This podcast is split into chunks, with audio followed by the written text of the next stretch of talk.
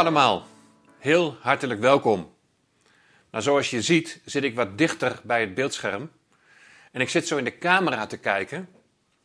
Maar het liefste zou ik zo even bij jullie binnenwandelen. Bij jullie op de bank, een kopje koffie en een goed gesprek. Even van elkaar weten, hoe gaat het met je? Wat zijn jouw struggles? Wat zijn jouw zorgen en moeiten in deze tijd? Wat zijn de mooie dingen die je hebt meegemaakt? En heb je misschien iets geleerd van de tijd die achter ons ligt? Een tijd waarin alles zo anders is dan we gewend zijn. We hebben behoefte aan ontmoeting. We hebben behoefte om elkaar te zien. We hebben behoefte om elkaar een hand te geven of een huk. Maar het is inderdaad allemaal anders. De vorige keer heb ik gezegd dat de Heere God, de schepper van hemel en aarde, dat Hij de mens geschapen heeft naar Zijn beeld en naar Zijn gelijkenis. Nou, dat betekent onder andere dat Hij ons geschapen heeft als een relationeel wezen. Dus we zijn gericht op relaties. Maar wat is een relatie eigenlijk? Je kunt in verschillende maten een, een relatie hebben met iemand. Als je het nou eens afzet op een schaal van 0 tot en met 10, dan zeg je bij 0, ja, dan is er geen relatie. Maar als je iets opschuift, dan kom je bij de oppervlakkige relaties. En je kent iemand wel, je hebt iemand misschien wel eens een keer gesproken, maar daar blijft het dan ook bij. Nou, als je dan steeds verder opschuift en je komt uiteindelijk bij 10, dan kom je bij 10 bij een echte vriendschapsrelatie. Dat is iemand die je vertrouwt. Iemand die je, met wie je je hart durft te delen. Iemand die altijd voor je klaarstaat of voor wie jij altijd klaarstaat. Daar heb je een intieme relatie mee. Een tien dus. Nou, Karen en ik die zijn regelmatig in Moldavië geweest. En als we daarheen gingen, dan gingen we altijd naar de vrouwengevangenis, onder andere. We kwamen daar een keer en toen kwamen we daar in een kamer en dat noemden ze de gebedskamer. Daar kwamen vrouwen die altijd geloof waren gekomen, maar ook vrouwen die zoekende waren. En ik mocht daar iets delen vanuit de Bijbel. En op een gegeven moment zei ik: Het is zo belangrijk dat je een relatie met God hebt. En toen zei een van die vrouwen, die Engels kon, een van de weinigen, en die zei: Kun je misschien even uitleggen wat je met relatie bedoelt? Want de meeste van deze vrouwen, die hebben daar geen weet van. Het zijn vrouwen die of oppervlakkige relaties kenden in hun leven, of relaties waarbij ze zo enorm zijn beschadigd, bijvoorbeeld in relatie met hun man. Een man die de vrouw mishandelde, misbruikte.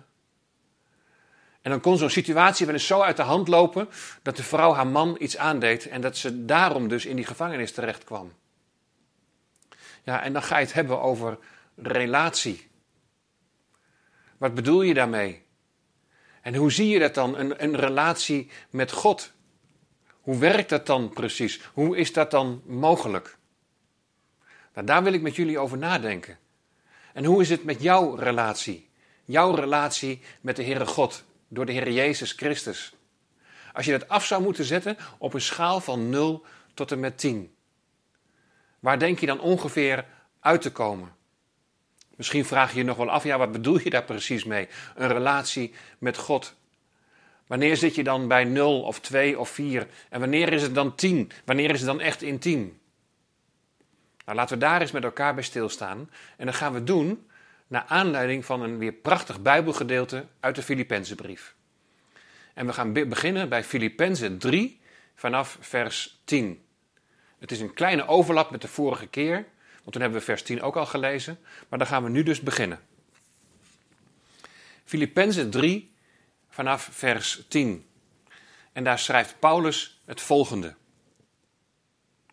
Opdat ik Hem mag kennen en de kracht van Zijn opstanding en de gemeenschap met Zijn lijden.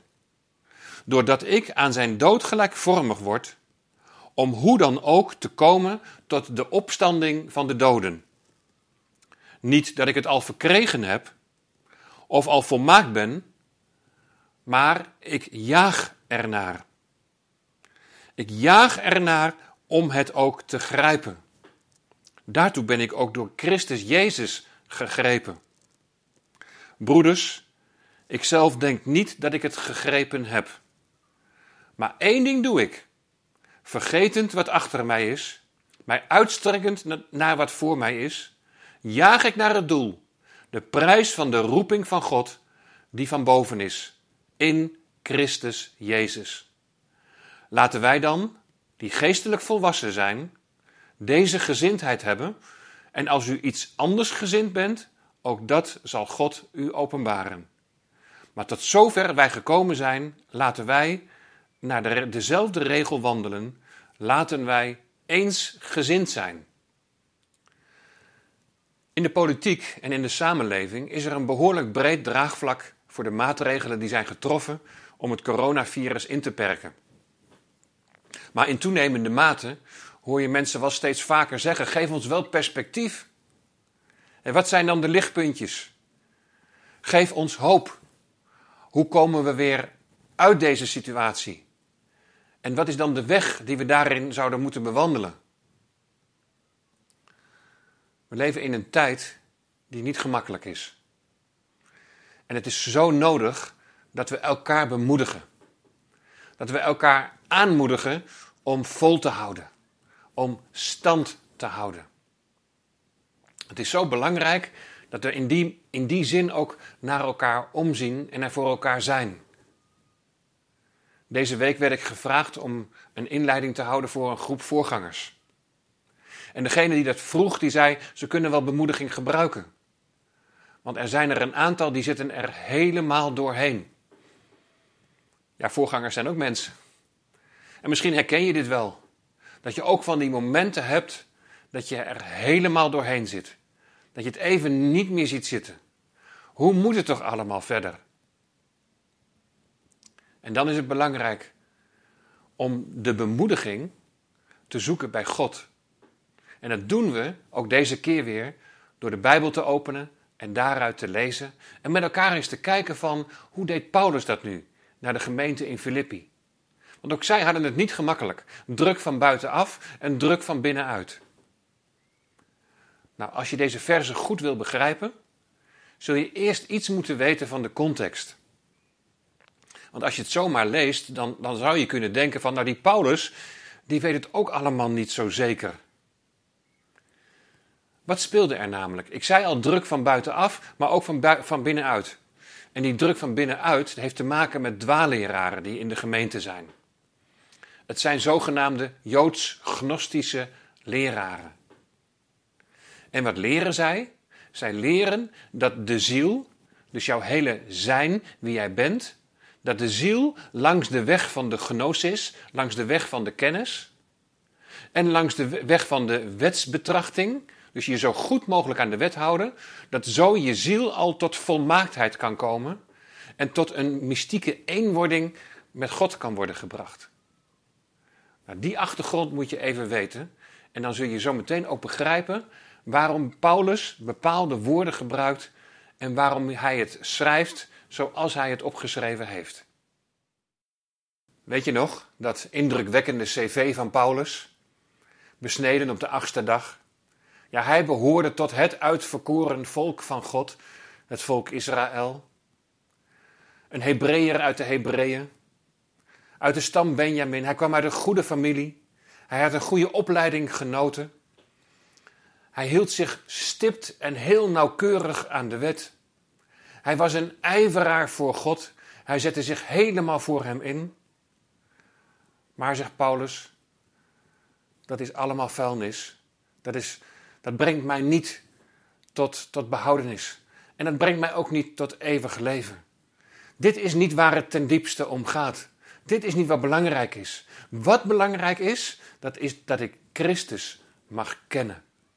Dat hebben we net ook gelezen. Opdat ik Christus mag kennen. En dat kennen, dat spreekt van relatie. Relatie waar we het over zouden hebben. Opdat ik Hem mag kennen. Daarmee geeft Paulus aan, ik wil groeien in mijn relatie met de Heer Jezus Christus. Ik wil Hem beter leren kennen. Opdat mijn relatie met Hem intiemer wordt. Ik wil leven met Hem. Leven vanuit Hem, door Zijn geest. En ik heb het verlangen om steeds meer op Hem te gaan lijken. Hem beter leren kennen. Hoe doe je dat dan? Hoe breng je dat dan in de praktijk? Hoe ga je dat vormgeven? Nou, we gaan aan de hand van het Bijbelgedeelte dat we net hebben gelezen, gaan we vijf items zien waarin Paulus aangeeft hoe je in het goede spoor kunt blijven om te groeien in het kennen van jouw Heer en Heiland. Als je iemand wilt leren kennen en die persoon is een beetje bekend, nou, dan kun je zo het internet opgaan en dan word je van alles van die persoon gewaar. Je zou ook een boek kunnen lezen. Nou, hierachter zie je een aantal boeken staan. En dan zie je drie oranje boeken naast elkaar. En die middelste, die gaat over het leven van Paulus. Dus wil je meer weten over het leven van Paulus? Nou, in dat boek staat ontzettend veel. En dan weet je al heel veel van hem. Maar je leert iemand pas echt kennen op het moment dat je met iemand omgaat. En dat is wat de apostel Paulus hier in Filippenzen 3 ook wil benadrukken. Het gaat niet alleen maar om een kennis wat het verstand betreft, maar een kennen vanuit omgaan met. Ik wil hem kennen, zegt Paulus, in de kracht van zijn opstanding. De Heer Jezus is opgestaan uit de dood. Hij leeft. Hij troont aan de rechterhand van de Vader. En Paulus heeft dat ervaren toen hij onderweg was naar Damascus. De Heer Jezus sprak hem aan vanuit de hemel. Maar hij is hem pas echt gaan leren kennen op het moment dat de Heilige Geest in hem woning maakte en de wedergeboorte in hem bewerkte. Want die wedergeboorte wordt tot stand gebracht door de kracht van zijn opstanding. De kracht van de opstanding van de Heer Jezus. En dan word je een nieuw mens. En dan ga je kijken met de ogen van de Heer Jezus. Daarin leer je Hem ook beter kennen. Je krijgt een completer andere focus in je leven. Het doel van je leven wordt zo anders. Het is niet meer een leven voor jezelf, maar een leven voor Hem die jou lief heeft. En in die zin mag je Hem beter leren kennen, doordat je die verandering ook in jezelf ziet. Dat je stapje voor stapje steeds meer op Hem gaat lijken. En gaat denken zoals Hij denkt. En gaat zien zoals Hij, zoals hij ziet. Ik wil ook Hem beter leren kennen, zegt Paulus, in de gemeenschap aan zijn lijden. Dat klinkt misschien niet zo aantrekkelijk, maar we hebben eerder al gelezen in de Filippenzenbrief: als je lijdt om Christus wil, dan is dat genade. Want ook daarin leer je de Heer Jezus Christus beter kennen. In die weg van lijden om Christus wil die je dan gaat, herken je iets van de weg die Hij zelf gegaan is. Een weg van lijden en een weg van bespotting. Een weg die uiteindelijk leidt tot de dood. Het is Paulus' diepe verlangen om Christus beter te leren kennen. In de kracht van zijn opstanding, maar ook het kennen in de gemeenschap aan zijn lijden. En dan staat er in vers 11: om hoe dan ook te komen tot de opstanding van de doden. En dat is het toekomstperspectief. Het is misschien niet een gemakkelijke weg die je altijd gaat, maar het einddoel is die opstanding uit de doden. En hoe dan ook, zegt Paulus. Of ik nou als martelaar moet sterven, of de Heer Jezus komt zelf eerder weer. Dat is mijn vooruitzicht. En daarom wil ik Hem beter leren kennen. Want straks zal ik Hem zien van aangezicht tot aangezicht. En dan zegt Paulus in vers 12: Niet dat ik het al verkregen heb of al volmaakt ben. En zie, hier reageert hij dus op die dwaaleraren. Die zeggen dat de volmaaktheid nu al mogelijk is. Die zeggen langs de weg van de gnosis en van de kennis en langs de, wet, langs de weg van wetsbetrachting, je houden aan de wet, zo kom je tot volmaaktheid. Nee, zegt Paulus, die volmaaktheid heb ik nog niet bereikt. Ik ben nog onderweg. Ik ben nog groeiende in het kennen van de Heer Jezus, mijn Heer en Heiland. Maar dan komen we bij het tweede aspect. Hoe je in het spoor blijft in het groeien van het kennen van de Heer Jezus. En dan zegt hij, ik jaag ernaar. Met andere woorden, ik, ik neem niet zo gauw genoegen met waar ik nu ben. Nee, ik wil groeien in het kennen van de Heer Jezus. Ik jaag erna, dat is een uitdrukking uit de sport. Paulus die staat als het ware in de startblokken, maar dat is niet de plaats waar hij blijft staan en afwachten. Nee, hij komt in beweging en hij gaat onderweg, want hij wil groeien in dat kennen en hij wil naar dat einddoel toe, die opstanding uit de doden en dat hij dan voor altijd bij zijn Heer en Heiland zal zijn. Jaag ernaar om Christus te leren kennen. Dat betekent investeren. Kijk, als jij iemand beter wilt leren kennen, ook in onze omgang met andere mensen, dan zul je daar ook in moeten investeren. Dat komt niet vanzelf, dat komt je niet zomaar aanwaaien. En zo is het ook bij het kennen van de Heer Jezus zo. Hem leren kennen betekent er naar jagen en naar inspannen. Dat er van diep van binnen een intens verlangen is om Hem beter te leren kennen. En we leren Hem beter kennen door bijvoorbeeld de Bijbel te lezen. Maar dan niet alleen als een, als een stuk van theorie, nee, om de Bijbel biddend te lezen. En dat je vraagt, Heer, openbaar uzelf aan mij in dit woord. Laat zien wie u bent. Laat uw verlangens zien. Laat mij steeds meer mogen proeven en ervaren wie u bent. Ik jaag ernaar om het ook te grijpen. En weet je, dat, dat jagen en die inspanning is weer niet uit eigen kracht. De dwaalleraren doen alsof je het zelf kunt bewerken, langs die weg van de kennis en van de wetsbetrachting. Nee, zegt Paulus, het is niet een, een eigen inspanning vanuit je eigen ik. Nee, daartoe ben ik ook door Christus Jezus gegrepen. Hij is die dat verlangen in jou legt. Dat verlangen om Hem beter te leren kennen. Broeders, vers 13. Ikzelf denk niet dat ik het gegrepen heb. Maar één ding doe ik. En dan komen we bij het derde aspect. Van hoe blijf ik in het spoor van het kennen van de Heer Jezus Christus? Nou, vergetende wat achter is, mij uitstrekkend naar wat voor mij is, jaag ik naar het doel, de prijs van de roeping van God die van boven is in Christus Jezus. Dus hoe leren we de Heer Jezus Christus beter kennen? Vergetende hetgeen achter ons ligt. We vergeten ons hele cv. En we vergeten ons oude leven. Dat hebben we immers afgelegd. Een leven dat gericht was op onszelf. Dat laten we achter ons. Nee, we gaan onze focus helemaal richten op vooruit. Op het uitzien naar de Heer Jezus. Op het uitzien naar de opstanding uiteindelijk uit de doden.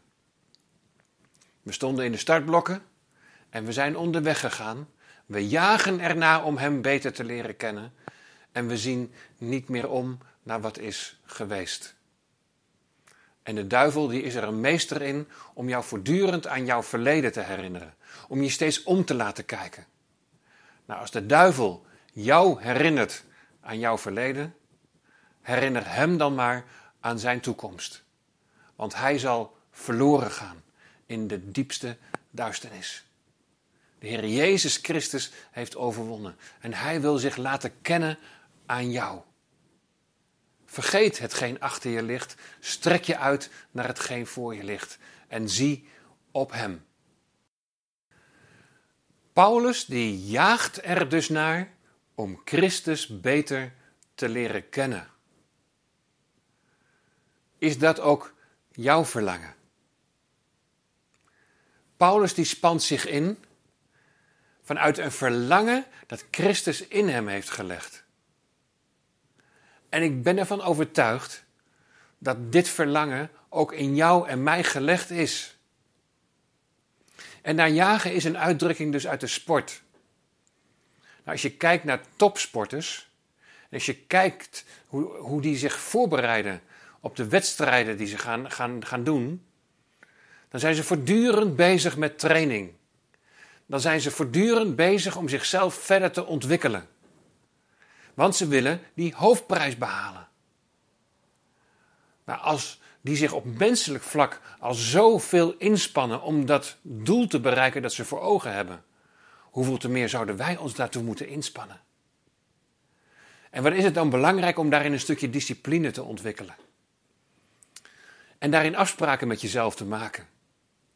Want het komt hier niet vanzelf aanwaaien. Het Bijbel lezen of het bidden, het kan zomaar verflauwen. Maar neem daar vaste momenten voor.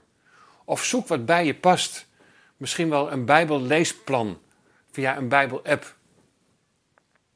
Maar wees bezig met het verder en dieper en intiemer leren kennen van de Heer Jezus Christus. Want dat doet je leven in ander perspectief staan.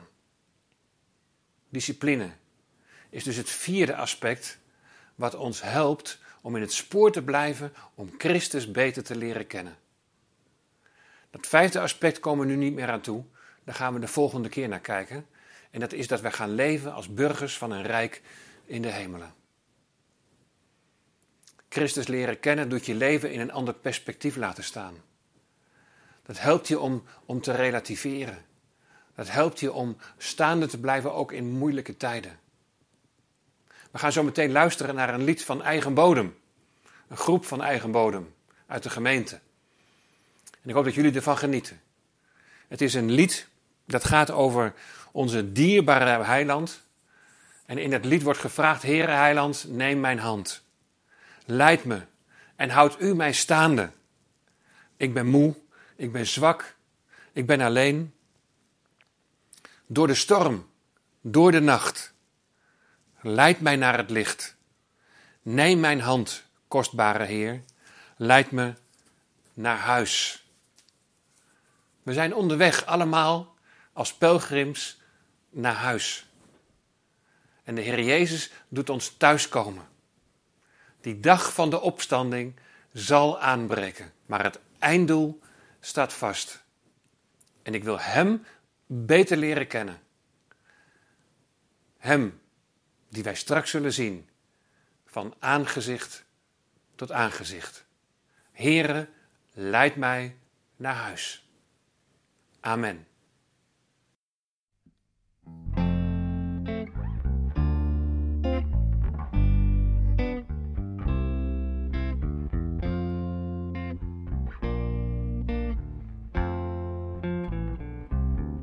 Precious Lord, take my hand, lead me on, let me stand. I'm tired, I am weak, I am low.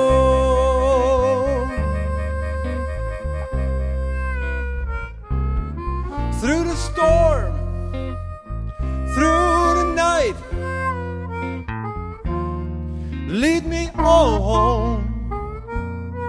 to the light. Take my hand, precious Lord, lead me on.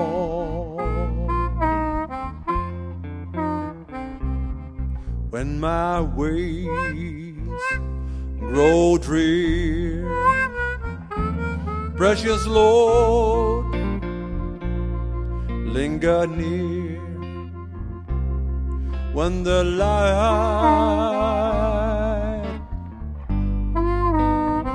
is almost gone.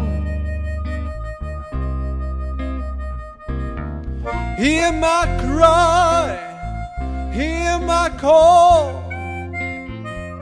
hold my hand,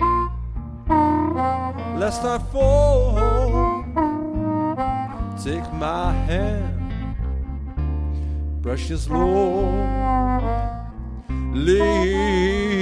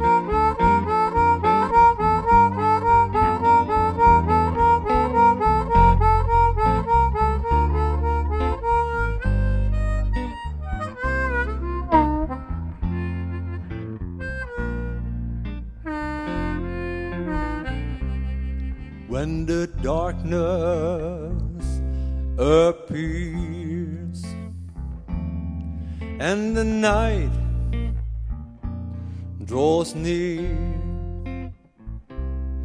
and the day is past and gone. At the river I stand got my feet hold my hand take my hand precious Lord. Lead me home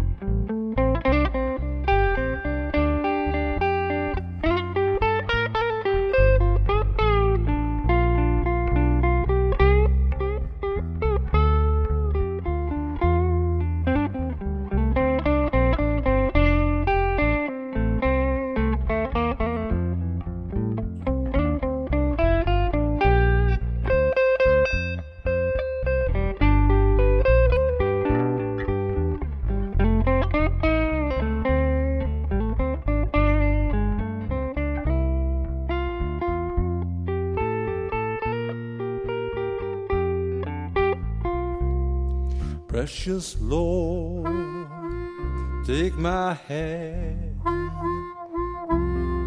lead me on, let me stand. I'm tired, I am weak, I am alone.